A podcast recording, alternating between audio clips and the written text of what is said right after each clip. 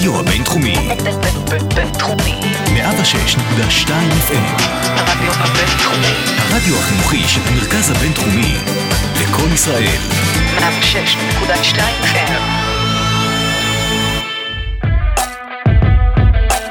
Talking Lauder, הפודקאסט הרשמי של בית הספר לאודר לממשל דיפלומטיה ואסטרטגיה במרכז הבינתחומי הרצליה.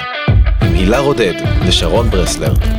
שלום לכולם, אנחנו עם פרק נוסף של Talking Lauder, הפודקאסט הרשמי של בית הספר לאודר לממשל, דיפלומטיה ואסטרטגיה במרכז הבינתחומי. אני הילה רודד. ואני שרון ברסלר.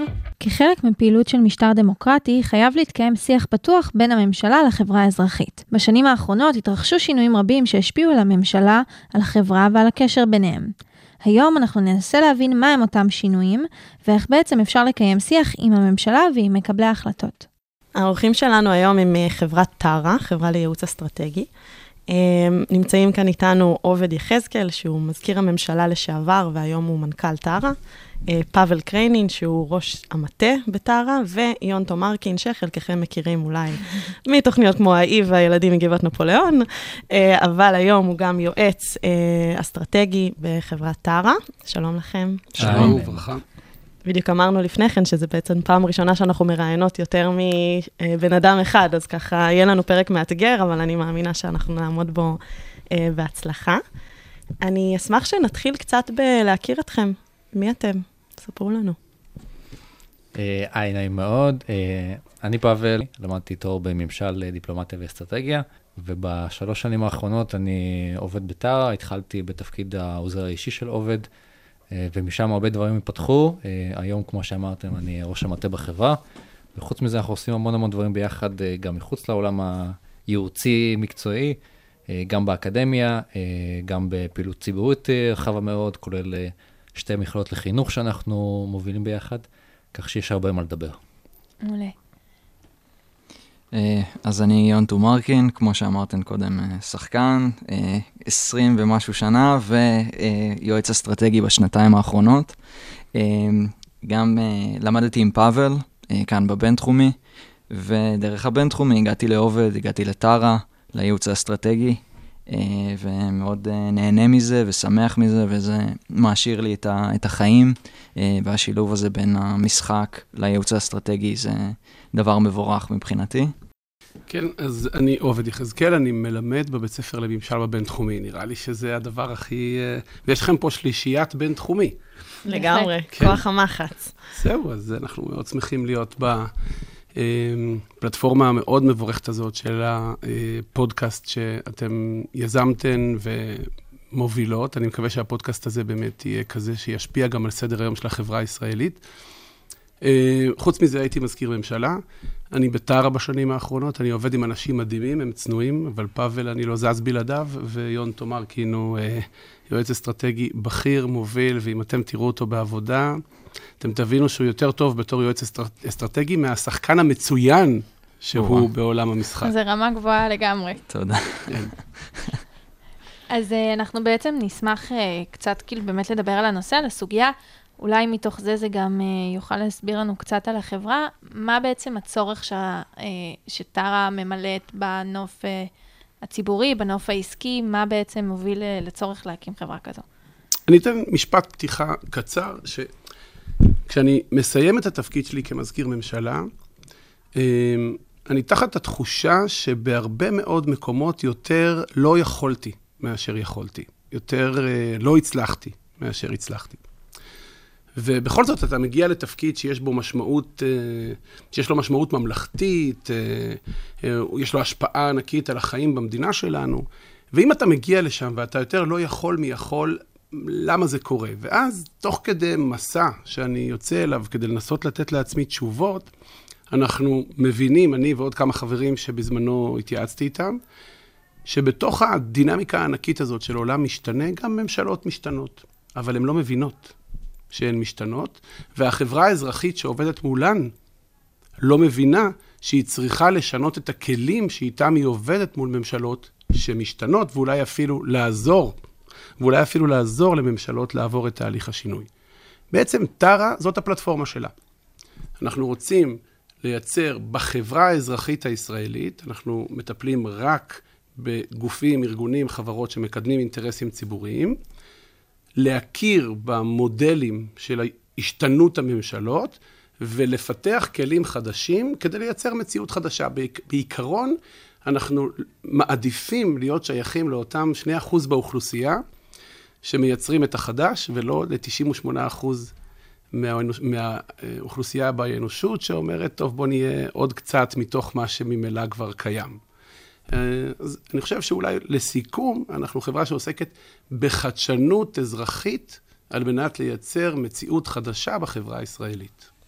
אוקיי, okay, אז לפני שנצלול באמת לכלים שאתם מספקים, או איזה כלים באמת אה, קיימים כדי uh, לגשת לממשלה, אני אשמח לדעת מהם האתגרים המרכזיים שאתם נתקלים בהם. זאת אומרת, איפה נמצאים הקשיים באותה, באותו קשר שלא קיים מספיק כנראה? אז אני אשמח, אני אשמח לענות. אני חושב שהיום התפיסה היא הייתה נוכחת תמיד, היסטורית, שרואים בתוך הממשלה איזשהו גוף נורא חזק, עוצמתי וכל יכול, ומצפים מהאזרחים, מצפים מהחברות בחברה האזרחית, כשיבואו לממשלה ויבקשו שהממשלה תפתור להם בעיה, הם מצפים לקבל פתרון. כל אחד מאיתנו רוצה שהממשלה תסייע, במיוחד כשכמו שעובד אמר, אנחנו נותנים ערך גדול מאוד לגופים שמקדמים איזשהו ערך ציבורי. וכשאתה עושה המון טוב, ואתה מרגיש שתבוא לממשלה ותספר כמה טוב אתה עושה, מה הציפייה שתהיה באופן טבעי? שהממשלה תיגח אותך, תיתן לך המון כסף, תיתן לך המון כלים, תסייע לך, כדי שהטוב שאתה עושה בעצם יתפרס על עוד מאוד מקומות. וכשגופים כאלה מגיעים עם כל האג'נדה החיובית לממשלה, ומבקשים, ומספרים על הבעיות, ומספרים כמה טוב הם עושים, הם בדרך כלל לא מקבלים כלום. ולא כי הממשלה לא רוצה, ופה זה מתחבר לאמירה הקודמת של עובד, כי הממשלה השתנתה. היא היום באמת לא מצליחה לספק את כל הצרכים. העולם הביטחוני הוא עדיין אזור מאוד חזק, העולם החברתי הוא חלש מאוד. אתם יודעים, בעיית התקציב קיימת היום בכל מקום, אה, אבל זה יותר ויותר משפיע כלפי מטה, שהממשלה כבר לא מספקת שירותים, הרבה מאוד חברה אזרחית מספקת את השירותים האלה, ועדיין אה, הציפייה שהממשלה תהיה גורם מסייע לכל הפחות, לרוב לא מתממשת. ולכן כשאנחנו מזהים גופים שבאים לעבוד איתנו, אנחנו הרבה פעמים מדברים על שותפות ודווקא ולא עבודה, כי אנחנו רואים אה, שגם אנחנו מקדמים ערכים ביחד עם החברה האזרחית. אז אנחנו אומרים ומלמדים אותם איך נכון לעבוד עם הממשלה במונחים שהיא כן יודעת לעשות. כי יש לה כסף עדיין, עדיין יש לה עוצמה, פשוט היא כבר לא פותרת בעיות. וככל שאנחנו מצליחים לשכנע את הגופים בקצה, לשנות פרדיגמות ולבוא לממשלה פחות ממקום של בעיה, אלא יותר ממקום של פתרון, ונשמח להרחיב על זה, אז גם הממשלה פתאום הופכת לגוף קשוב, שאפשר להשיג ממנו תוצאות, והוא כן יכול לסייע, פשוט צריך לשנות את השפה, וגם אחת הטענות המרכזיות שלנו, השפה הממשלית היא שפה מקצועית, היא לא שפה של כל אחד בחברה, כל, טוב ככל שהוא עושה, יכול פשוט לבוא לממשלה ולדעת איך לדבר עם הפקידים ועם הנבחרים.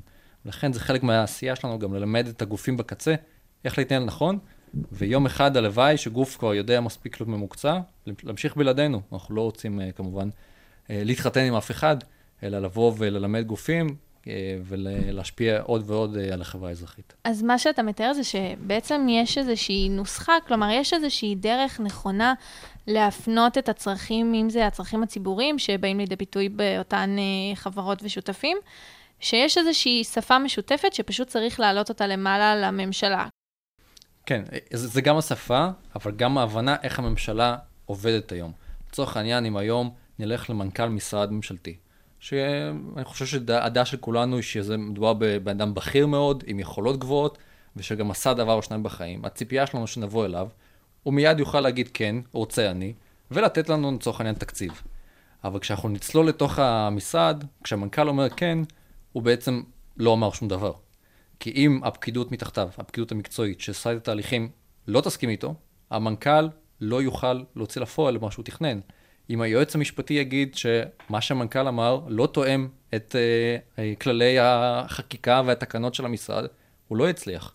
אם החשב של המשרד יגיד, אה, אדוני המנכ"ל, אין לי תקציב, הוא לא יצליח. ולכן אנחנו צריכים להבין שבעצם העבודה היא היום הרבה יותר מושג שאנחנו משתמשים בו הרבה, היא שטוחה. כלומר, אין שחקן יחיד בממשלה שפותר את זה, לא בתוך המשרד ולא בין המשרדים השונים, ולכן צריך לעשות עבודה שהיא נוגעת להרבה מאוד גופים בתוך הממשלה. ברגע שאתה יודע לסגור את זה עם היועץ המשפטי, עם החשב, עם הפקיד המקצועי, עם המנכ"ל ביחד, כשהמנכ"ל יגיד רוצה אני, הוא כבר יקבל את התמיכה של כל הגורמים מסביב, ויהיה לו קל ליישם את מה שהוא מאמין בו. ואנחנו, חלק מהעשייה שלנו זה בעצם לעשות את כל הדבר הזה, למפות את כל השחקנים הרלוונטיים, לעשות מולם את התהליכים המקצועיים, כדי שהם יהיו השגרירים שלנו בתוך הממשלה, וכשבסוף, בסוף המנכ"ל צריך להגיע ואומר, אני רוצה, כבר כולם מסכימים, כבר יש תוכנית עבודה, והוא רק צריך לשים חתימה יפה על הדף. אז בעצם העניין זה להבין את הבירוקרטיה, אם אז- אני אז- מסכמת את זה לשורה. כן, אבל לאו דווקא מהמקום הביורוקרטי, שזה חשוב מאוד, אלא מתוך זה שהיום הממשלה, היא נהייתה גוף מסובך. היום הממשלה, כל החלטה גם יושבת לא רק במשרד אחד, בהרבה מאוד משרדים, מתוקף זה שאנחנו במדינה מסובכת ומתוקף אה, אילוצים היסטוריים כאלה ואחרים. אבל אה, כן, הביורוקרטיה היא התהליכים עצמם, אבל לפעמים קבלת ההחלטות והיכולת ליישם אותם היא נטועה ב, אה, באזורים שונים, בשחקנים שונים, שצריך לדעת לחבר אותם, שלאו דווקא מדברים אחד עם השני, גם כשהם יושבים, יושבים משרד ליד משרד. אני הייתי אומר את זה בצורה הבאה. ממשלה לא יודעת יותר לפתור בעיות. מי שילך אליה ויבקש ממנה לפתור בעיות, כמו שאמר פאבל, לא יקבל תוצאה. ממשלה לא יודעת יותר לעשות מדיניות ציבורית. זאת אמירה מאוד מאוד חשובה. חברות, עד לפני כמה עשורים, ממשלות היו המקום שהיה, שהיה מייצר את המציאות. נכון שיש להם גם היום כלים מאוד חשובים, חקיקה. אני מאוד בעד ממשלה חזקה, שיהיה ברור. העובדה שאנחנו אומרים שחלקים מסוימים עברו מהאזור של הממשלה לאזור של החברה האזרחית, זה אומר שהממשלה, אם תכיר בזה, צריכה דווקא לחזק את האזורים שהיא צריכה להיות בהם חזקה. אני רוצה ממשלה כי היא נציגת הממלכה, אוקיי? אז היא צריכה להיות מחוקקת יוצאת מן הכלל, והיא צריכה לקבל החלטות יוצ... חשובות מאוד בענייני שלום, מלחמה, אה, תקציב, אה, רפורמות אזרחיות. היא צריכה לפקח, היא צריכה לאכוף. יש הרבה, היא צריכה לדאוג לביטחון אישי לאזרחים. אה, זאת אומרת, יש הרבה מאוד נושאים שצריכים להישאר באזור האחריות של הממשלה. מה שקורה זה שהממשלה ממשיכה לרצות לטפל בהכל, וכשהיא ממשיכה לרצות לטפל בהכל, היא בעצם לא מטפלת כמעט בכלום, אוקיי? אנחנו יכולים לראות שאפילו בנושאים ביטחוניים אנחנו מתקשים לקבל החלטות. בנושאים מדיניים אנחנו אה, בסיטואציה של אה, סטגנציה מאוד מאוד מטרידה בהסדרת הסכסוך עם הפלסטינים. ולכן, לא נדבר פה על נושאים ביטחוניים. בנושאים האזרחיים, אנחנו אומרים, לחברה האזרחית, האזור שבו מייצרים את הפתרונות, קובעים את המדיניות הציבורית, אה, רותמים שותפויות ומייצרים את העוצמה שיש לפתרון, היא כבר לא הממשלה. ובמובן הזה, הממשלה, חלקים גדולים בממשלה כבר מבינים את זה, משרד האוצר שם, משרד ראש הממשלה בהרבה מאוד חלקים שלו שם, הם מבינים שהם, ופה אני אומר משפט שלדעתי הוא סוג של שינוי הנרטיב בביטוי, באחד הביטויים היותר עוצמתיים שלו, היא כבר פחות ופחות מתקצבת, היא יותר ויותר משקיעה חכמה. יש לממשלה הרבה מאוד כסף. היא תיתן אותו אם בחוץ הפעילות לא תהיה כזאת שהולכת לממשלה ואומרת, יש לי בעיה, בואי תעזרי לי, אלא היא אומרת לממשלה, תראי איזה פתרון יצרנו בלעדייך, כדאי לך להשקיע בי, כי ההשקעה הזאת פותרת אזורים שאת לא יכולה ועושה לך חיסכון בטווח ארוך. זאת הנוסחה. כלומר, הממשלה עצמה צריכה להבין אולי את חוסר היכולת שלה אה, באמת לעמוד בכל אותם אה, דברים שהציבור צריך, ויותר אולי לבזר את האחריות שלה בגופים אזרחיים. הרעיון המרכזי הוא שאני רוצה שראש הממשלה בנט ושר החוץ לפיד ושר האוצר אה, ליברמן ואחרים יתחילו לדבר עם, עם האזרח בצורה הבאה, להתחיל להגיד לאזרח, אני לא יכול לעשות הכל. שיתחילו להסתכל לנו בעיניים ולדבר איתנו באמת. המדינה השתנתה. חלקים גדולים כבר לא נמצאים בשליטה שלי. בוא נראה איך אנחנו עושים את זה ביחד. בוא נראה איך אני מאציל גם לך יכולות ואפשרויות והזדמנויות. להפסיק להגיד בכל פעם שיש שיח מול הממשלה, קדימה, בוא נראה מה עושים. לא צריך. לא צריך, את כבר לא יכולה כל כך לפתור בעיות. אז תגידי את האמת. אובמה, דרך אגב, עשה את זה, מרקל עושה את זה, קמרון, שהיה ראש ממשלת אנגליה, עשה את זה. אנשים שמסתכלים בעיניים לאזרח ואומרים, אני לא יכול לעשות הכל.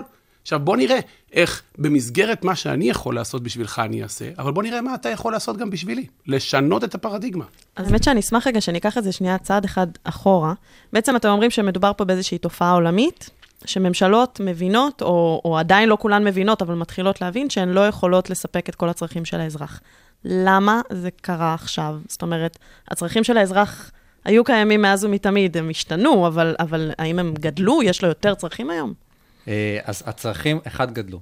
אה, אוכלוסיית העולם גדלה, אה, השירותים שאנחנו כאזרחים מצפים לקבל כל הזמן גדלים, גם מזה שהחיים שלנו משתפרים כל הזמן, ואנחנו עוד ועוד צמאים לקבל דברים נוספים. לאו דווקא מהממשלה, פשוט כ- כאזרחים שאף פעם לא מרוצים ותמיד רוצים עוד, וזה בסדר. למה זה קרה ולמה זה שונה ממה שהיה פעם? כי אם ניקח עכשיו 50 שנה אחורה, כשניקח את אה, התחלת העבודה של אנשים אה, מבריקים, שהתחילו את הפיתוחים הטכנולוגיים המרשימים, אה, וישבו במחסנים של ההורים שלהם, כמו ביל גייטס וכמו סטיב ג'ובס, והמציאו משהו שהוא הפך את העולם שלנו ממקום נורא נורא שקט ורגוע למשהו שהקצב שלו, העוצמה שלו, גדלה בקצב מטורף. אם ניקח את שנת 92 והלאה, שהאינטרנט הפך להיות נחלת הכלל, ואנחנו משתמשים היום, ונגישות למידע הפכה להיות אסטרונומית, וזה כמובן מתעצם כל הזמן, אז ככל שהאזרח נהיה יותר חכם, יותר משכיל, הכסף נמצא כבר לא בממשלות. תחשבו איפה היום נמצא מרבית הכסף, נמצא מרבית הכסף, הוא לא בממשלה. גם הממשלות הכי הכי עשירות, גם ניקח את הברית, תעמידו מולם כמה ענקיות טכנולוגיה, כמו אמזון, כמו אפל, כמו... הם מנצחים אותם. אנחנו גם רואים את המערכת יחסים ביניהם, כלומר, אפילו בסיפור הזה של פייסבוק ו- וממשל טראמפ בארצות הברית, אנחנו רואים איזה כוח יש לתאגידים פרטיים. בדיוק, אז היום יש ניסיונות באירופה, קצת באוסטרליה, שמענו לאחרונה, נכון. על uh, לתת רגולציה על, המ- על החברות האלה, גם מבחינה כספית וגם מבחינת מה מותר ומה אסור, כי הם צברו כוח אסטרונומי, אבל עדיין הכסף נמצא שם. Uh, עשינו פעם השוואה מאוד מעניינת, uh, הון של מדינה אל מול הון של uh, חברות כאלה, אז אם ניקח נגיד את אפל, שהיום שווה משהו כמו 3 טריליון דולר, אז היא יותר עשירה מ-180 מדינות לבד. נכון, המדינות הכי עניות, אבל זאת חברה אחת. אז הסדר גודל הפך להיות עצום לגמרי, וגם תחשבו איפה היום כוח האדם האיכותי הרציני נמצא. האם הוא יושב בתוך ממשלת ישראל? האם הוא יושב בתוך ממשלת בריטניה? התשובה היא ככל הנראה לא. יש שם אנשים מצוינים, אבל איפה, ה... אה, איפה אנשים רוצים להיות? איפה שיש היום יותר כסף, יותר עניין, יותר התפתחות אישית, וזה לא בתוך הממשלה. הממשלה עדיין מתנהגת מאוד מאוד בצורה איטית, והיא לא מצליחה לעשות את השינויים, כמו חברות הטכנולוגיה שעושות את זה, והיא לא צריכה. זאת אומרת, הממשלה לא תהפוך מחר להיות אפל, היא תישאר ממשלה, היא יכולה לעשות תזוזות נורא קטנות, אה, אבל אם הכסף לא נמצא שם, אם כוח האדם האיכותי לא נמצא שם, והידע כבר הוא לא אה, חזקת הממשלה, הוא נגיש לכל, הממשלה מאבדת מהרלוונטיות, האזרחים והחברות מתעצמות, ולכן זה בעצם מה שגורם לשינוי הפרדיגמה, והטענה שלנו, שככל שהזמן יעבור, זה ילך ויתעצם. לא תהיה הפיכה פרדיגמה הפוכה. אני אשמח קצת, אה, מקודם באמת דיברנו על הממשלה, אבל גם דיברנו על, אה, על יותר על הפקידות גם. אז אני אשמח לדעת איך זה מתנהל מבחינת, מבחינתכם, מול מי אתם יותר עובדים. אנחנו יודעים שהממשלה היא זו שקובעת את המדיניות, והפקידות היא זו שמבצעת. אני עכשיו חברה, אני רוצה אה, לקדם איזשהו קשר עם הממשל, למי אני פונה בעצם? האמת שגם מעבר לזה, לפני שאתם עונים, מה בעצם ההבדל בין העבודה שאתם עושים לעבודה של, של לובי? אוקיי, אז אנחנו באמת עובדים אה, הרבה יותר מול הדרג הפקידותי, אה, הדרג המקצועי, לא הדרג הפוליטי. אה, בטח שלא אנחנו. אם אנחנו נגיד אה, צריכים לעבוד מול דרג פוליטי, אנחנו נותנים ללקוחות שלנו לעשות את זה. אנחנו אה, מכשירים אותם, עוזרים להם, מובילים אותם עד הדלת, והם נכנסים בדלת. אם אנחנו שואלים איפה נמצא הכוח בממשלה היום, איפה באמת מתקבלת ההחלטה בממשלה? אז אני רוצה להגיד לכם שאפילו ראש ממשלה לא באמת יכול לקבל החלטות לבד. הוא יכול לקבל הרבה החלטות בנושאים מדיניים, ביטחוניים. בנושאים אזרחיים, הממשלה השתתחה כמעט לגמרי. ולכן, כשאתה מנסה, נניח, לעשות רפורמה אה, בתחום בריאות מסוים, עכשיו מערכת הבריאות היא בכל זאת הפכה להיות אה, אה, נושא שהעולם יצטרך להידרש אליו אחרי ה, אה, כל דרמת הקוביד הזה שעברנו, אה, ויצטרכו לייצר אה, מציאות חדשה עבור מערכת הבריאות. לדוגמה, אה, בתי חולים ישנו את התפקיד שלהם, הם, הם, הם יהיו יותר ויותר אזורים של חדרי מיון, ER, אה, רפואה דחופה, ויותר ויותר אזורים של ניתוחים, אבל האשפוז יהפוך להיות יותר ויותר ביתי. ואז נניח תעלה פה שאלה, מי הגורם בממשלה שיכול לקבל החלטה בשאלת האשפוז הביתי? שר הבריאות תלוי בראש ממשלה, תלוי בשר אוצר, הוא צריך להביא תקציבים, תלוי בפקידות אצלו, תלוי בפקידות אחרת, אחרת תלוי ביועץ המשפטי לממשלה. זאת אומרת, אנחנו בנקודה שבה משלא לשמו נוצר מצב שעל כל נושא שהממשלה צריכה לקבל בו החלטה, יש המון שותפים. ולפני שהממשלה בכלל יוצאת עם זה החוצה, היא צריכה לנהל בתוכה תהליך מאוד אינטנסיבי כדי לדייק את ההחלטה. ואז עולה השאלה, איך דווקא גורם שרוצה לשנות את המציאות, שהממשלה לא יכולה לשנות אותה, מהחברה האזרחית, עובד. אז הוא מזהה את השחקנים המרכזיים, הפיבוטים המרכזיים, באותו ספקטרום ממשלתי שמטפל בנושאים השונים, ויודע לבנות את הנוסחאות מבחוץ. עכשיו, בעולם של היום, הנוסחאות שאתה בונה, נניח בכל אירוע, גם כאשר אתן בחיים הפרטיים, הפרטיים שלכם רוצות, רוצות לעשות איזושהי מכירה. אתה פחות מוכר את מה שאתה רוצה, כי אתה צריך להסביר לצד השני מה הוא מרוויח מזה. זאת אומרת, שימו לב, ידע לא משנה התנהגות. אתה יכול להסביר, זה לא יעשה שינוי. תמריץ ישנה התנהגות כשמישהו שאתה מדבר אליו רואה מה הוא מרוויח מזה. לכן, בתוך זה צריך לראות מי מנהיג את התהליך. עכשיו, לא המנהיגות הפוליטית הממשלתית עושה את זה, כי מנהיגות היום היא כבר לא להיות נואם חוצב להבות, או להיות איזה כריזמה. אתם רואים, אין יותר. אוקיי, העידן ההוא נגמר, הגיבורים של היום, עד לפני 50 שנה, חבר'ה, הגיבורים בעולם היו פוליטיקאים. בחמישים השנים האחרונות, הגיבורים בעולם זה מוזיקאים וזמרים ושחקנים אה, וספורטאים. משפיענים. ו... תראו לי פוליטיקאי אחד שמצליח להפוך להיות... וידוי אישי, אני מעריצה את צ'רצ'יל, יש לי קראש עליו. הוא מהתקופה הישנה. לגמרי, הוא כן. מהתקופה הישנה. מאז, תראי לי מנהיגים שצמחו למעמד של צ'רצ'יל. היום זה לא שם. ולכן החברה האזרחית היא גם סוג של מנהיגה.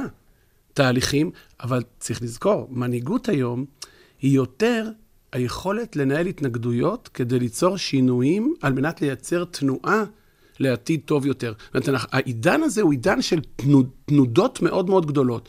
כל הסיפור הוא איך אתה מנהל שינויים. ממשלת ישראל כרגע מקבלת ציון מאוד מאוד נמוך אצלי ביכולת שלה לנהל שינויים. זה כי היא לא מודעת לזה, או שהיא מנסה להאחז בסוג של כוח שהוא כבר לא רלוונטי לעידן הזה? היא, היא, לא מודעת, אבל היא, הסיבה היא יותר עמוקה. ואנחנו אה, מייחסים את זה לסוג של אה, סטגנציה בממשלת ישראל בגלל אה, הרצון לשמר את המעמד ואת הכוח שלך בכל מחיר. אנשים שברגע שמגיעים, ליד... לידיים שלהם מגיע כוח משמעותי.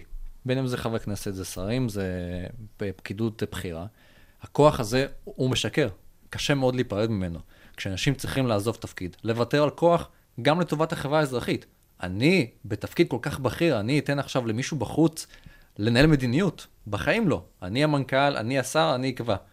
אבל זה כבר לא ככה. כי כשמנסים לעשות את זה, זה נתקע בתהליכים של שנים. קחו רפורמות משמעותיות במשק הישראלי, אם תמצאו כמה בתחום החברתי, תראו שכולן נמשכות 5, 6, 7 שנים, ולא התקדמנו במילימטר. וגם כל התנאים השתנו כך שהן כבר לא רלוונטיות. והן כבר לא רלוונטיות. אז אנחנו, אני חוזר לטענה המרכזית, את המציאות אנחנו ניצור מחוץ לממשלה. כשהכל כבר קיים, אנחנו נבנה מערך שבעצם, עובד הזכיר את האשפוז הביתי, לא צריך לחכות לרגולציה של הממשלה. היום חברות פרטיות יודעות לאשפז באופן ביתי על כל הספקטרום, החל מטיפול בקהילה ועד לאשפוז מלא בבית עם כל המכשירים וניטור מרחוק ומה שצריך. הממשלה תצטרף לזה כשזה כבר יהיה קיים, ואז היא תבין איפה היא יכולה להיכנס ולהשקיע באותם מקומות, כי זה יחסוך לה המון כסף בבתי החולים הציבוריים, שהיום קורסים תחת העומס. אתם לא חושבים שמדובר אבל באיזשהו ויתור במקום מסוים?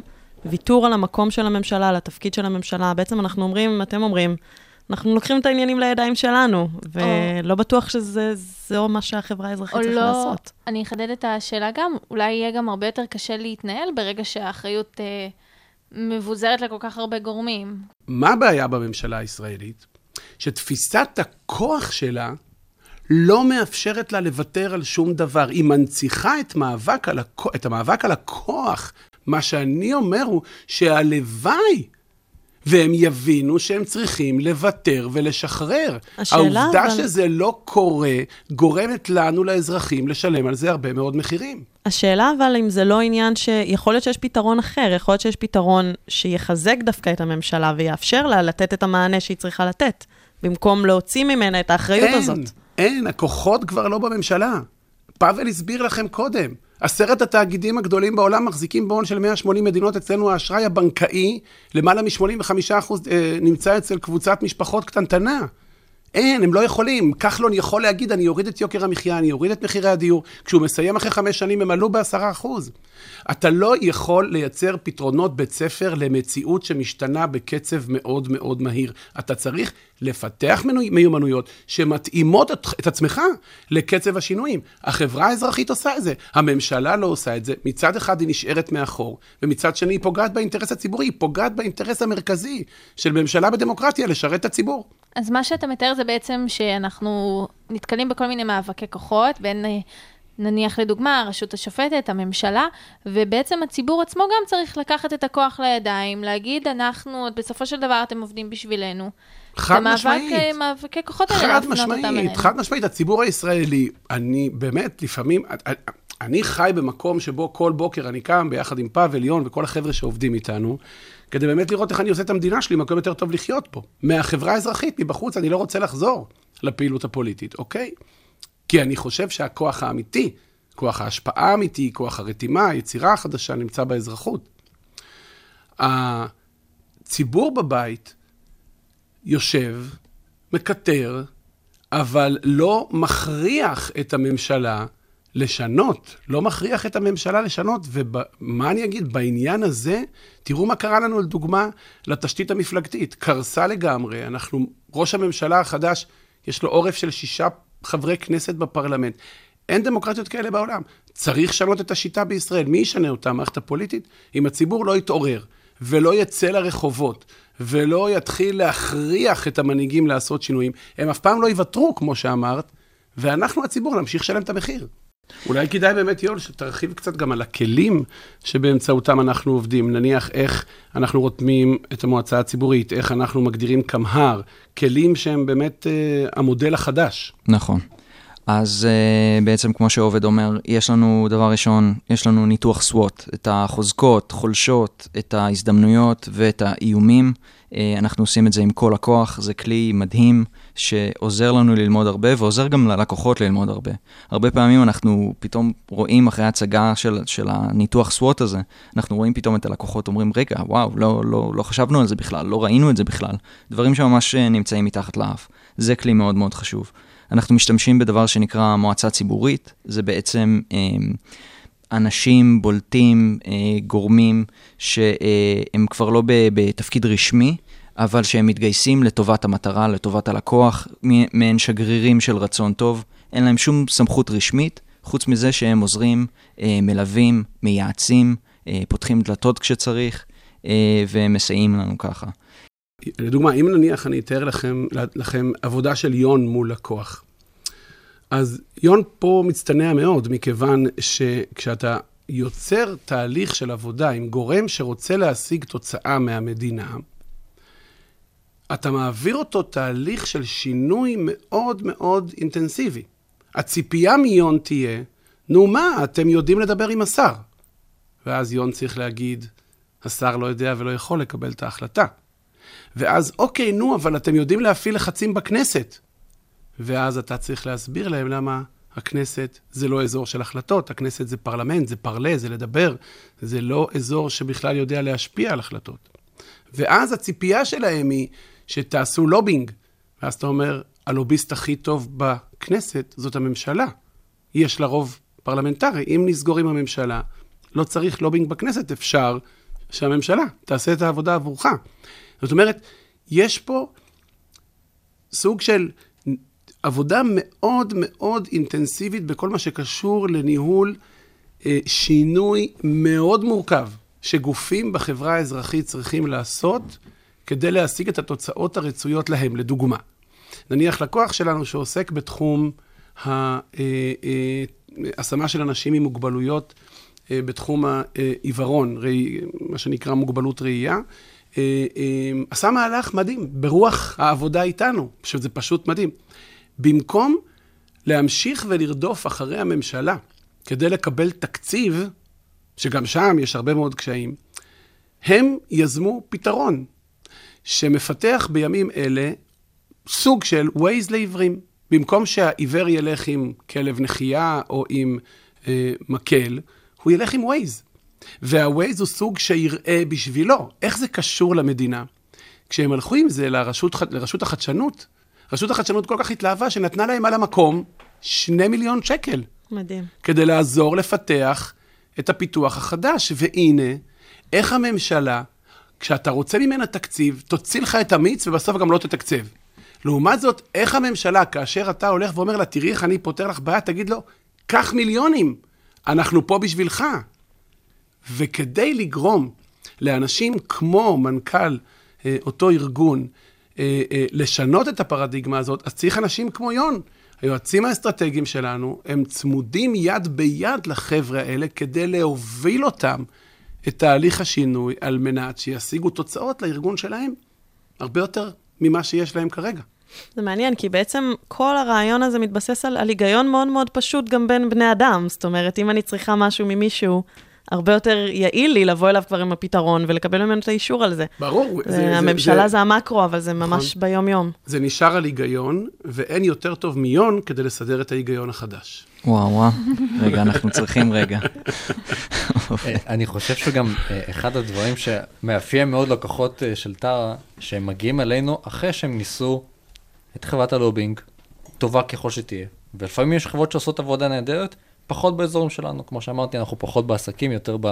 אה, בערכים ובצ... פה אם אתה מרשה לי, פאבל, להגיד שבאמת ללובינג יש תפקיד מאוד חשוב בלעזור לגופים ולארגונים להכיר את העבודה כשהיא לא מוכרת באזורי כנסת וכולי וכולי. אני חייב לומר פה משהו. הממשלה הופכת להיות אירוע מאוד קשה להבנה. תקף, פאבל, סליחה, אני תכף מחזיר אליך. לדוגמה, כשהיום אתה צריך להניח לעשות תהליך של מיצוי זכויות אה, לבן משפחה שחלה, אוקיי? אי אפשר לעשות את זה לבד. אני אומר לכם, אני מלמד ממשל, הייתי מזכיר ממשלה, לא יודע לעשות את זה. אני חייבת להגיד בהקשר הזה שדווקא אה, הוציאו את אה, כל האתר של gov.il, כל, כל זכות, וגם gov.il, אה, שדווקא מאוד מאוד אה, מקל על כל הסיפור. אז אני אומר, עדיין, ועדיין, בחלקים גדולים מאוד קשה, ואני גם אגיד פה עוד משפט. אה, ש, שאני אפילו לא אומר אותו כביקורת, למרות שמשרד האוצר יכעס אליי אה, במשפט הזה, אה, למשרד האוצר גם נוח שאנשים לא תמיד ממצים את הזכויות שלהם, כי ככה הכסף נשאר בממשלה, אוקיי? ולכן צריך מנגנון שיודע להנגיש את השפה הממשלתית לציבור. תחת זה, צריך שתהיה מצד הגורמים שעושים את זה התחייבות בלתי ניתנת לפרשנות. שהכל נעשה לתועלת הת... התהליך הציבורי. במקום שבו השחקנים המתווכים עושים את זה לאינטרסים אחרים, אני נגד זה עם אלף סימני קריאה. במקום שבו עושים את זה על פי כל דין כדי לקדם אינטרס ציבורי, אני בעד זה עם אלף סימני קריאה, ועכשיו פאבל. כן, אז אני רק רוצה להתייחס לנושא של מיצוי זכויות, כי זה הוזכר.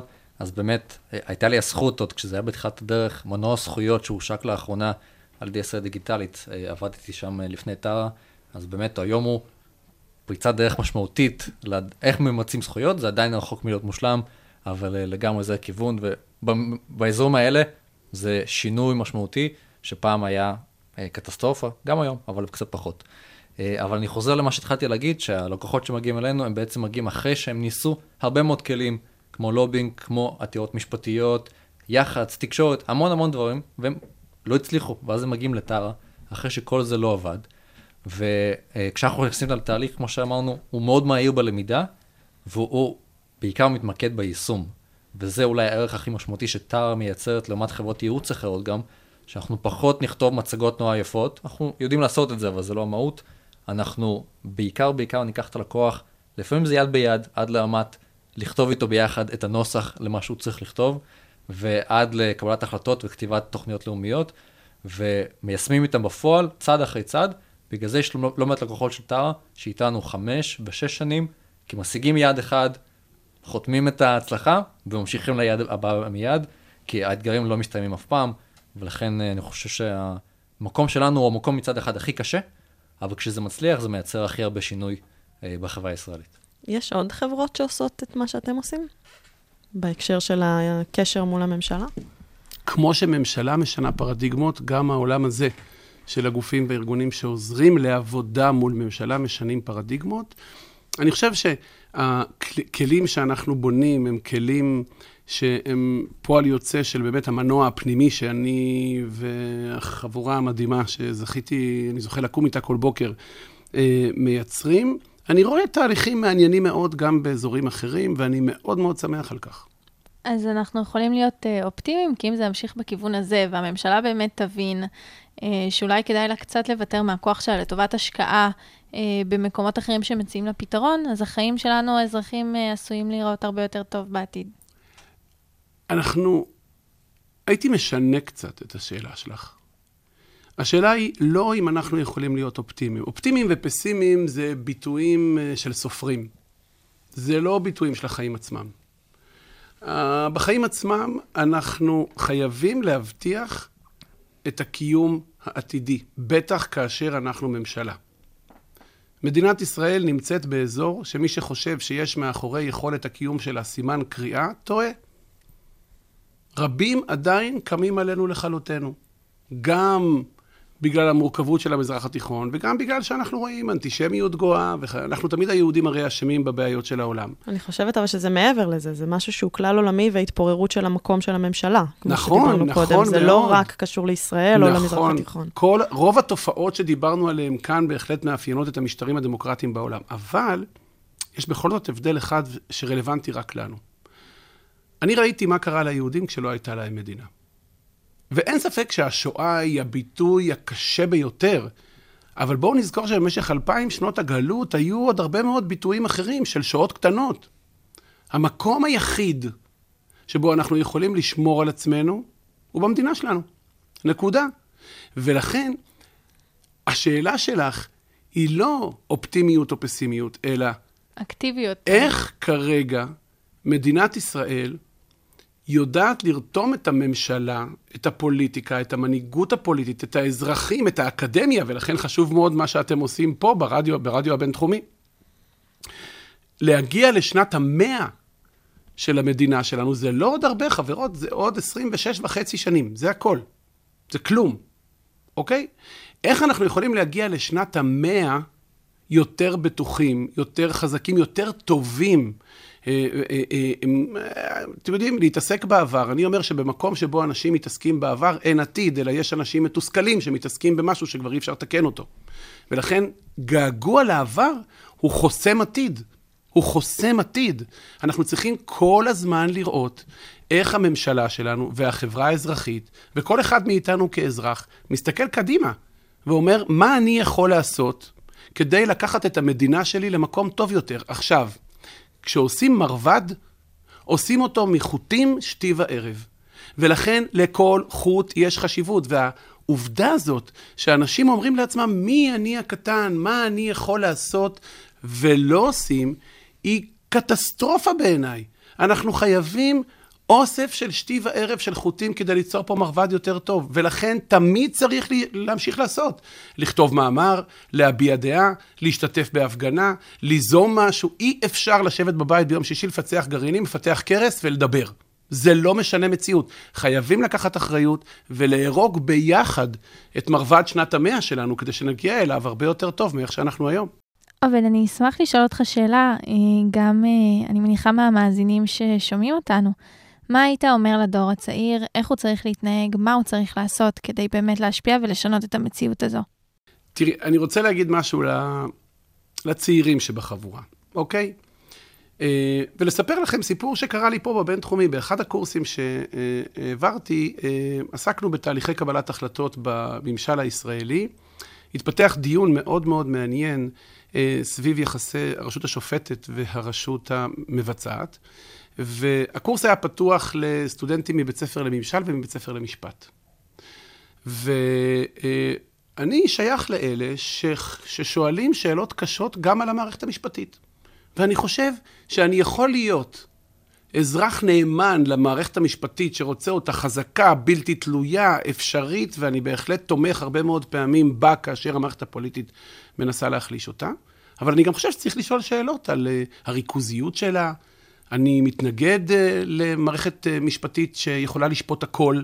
אני חושב שיש ערכים ויש נורמות שצריך להשאיר למשפט הציבור, ולא למשפט אנשים בבית, על כס המשפט, אוקיי?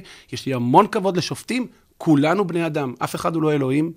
והתפתח דיון מאוד מעניין בכיתה סביב המודל הביקורתי. ואז בסוף השיעור, בעודי הולך פה אה, בשבילים של אה, המרכז הבינתחומי, שהוא המרכז האקדמי הכי טוב בארץ, אה, אנחנו, אה, אה, ניגשים אליי שני סטודנטים למשפטים ושואלים אותי אם יכולים לשאול אותי שאלה. ואז אני אומר, כן. הם אומרים לי, אנחנו מסכימים עם הביקורת שלך, אבל אנחנו יודעים, שימו לב, אנחנו יודעים שאם אנחנו רוצים להתקדם במערכת המשפטית, אנחנו לא יכולים לצאת נגד הכוחות החזקים, אוקיי? התשובה שלהם, שלי אליהם הייתה התשובה לשאלה שאני רוצה לתת לך. אמרתי, תראו חברים, יש לכם בחירה בין שתי חלופות. בחלופה אחת אתם יכולים להצטרף לפרדיגמה הנוכחית. אבל אני אומר לכם, כמו שגם למדנו בכיתה, שהפרדיגמה הנוכחית היא ברת חלוף, כי אין יותר פרדיגמות קבועות, כל הפרדיגמות קורסות, ובכל התחומים קמות פרדיגמות חדשות. ולכן, החלופה השנייה היא שאתם תהיו אלה שמייצרים את הפרדיגמה החדשה. וזאת התשובה לחבר'ה הצעירים. כל דור צעיר חייב לראות את עצמו מחויב לגמרי ליצירתן של הפרדיגמות החדשות, ולא לעשות שום שיקול של הצטרפות לפרדיגמות קיימות. אתם חייבים להיות הכוח המניע של השינויים. זה בידיים שלכם, אל תוותרו על ההזדמנות המדהימה הזאת. בהחלט, אז אנחנו קוראות מכאן לכל המאזינים שלנו ללכת ולעשות. תודה רבה לכולכם שהגעתם. אני חושבת שזה מאוד אה, נתן לנו פרספקטיבה על המציאות המשתנה שאנחנו חיים בה. אה, אז תודה רבה גם לכל המאזינים שלנו. אתם הייתם על Talking Lauder, אנחנו נתראה בפרק הבא. אתם יכולים למצוא אותנו בכל אפליקציות הפודקאסטים ובאתר הרדיו הבינתחומי. תודה רבה לכם. תודה רבה. תודה. תודה.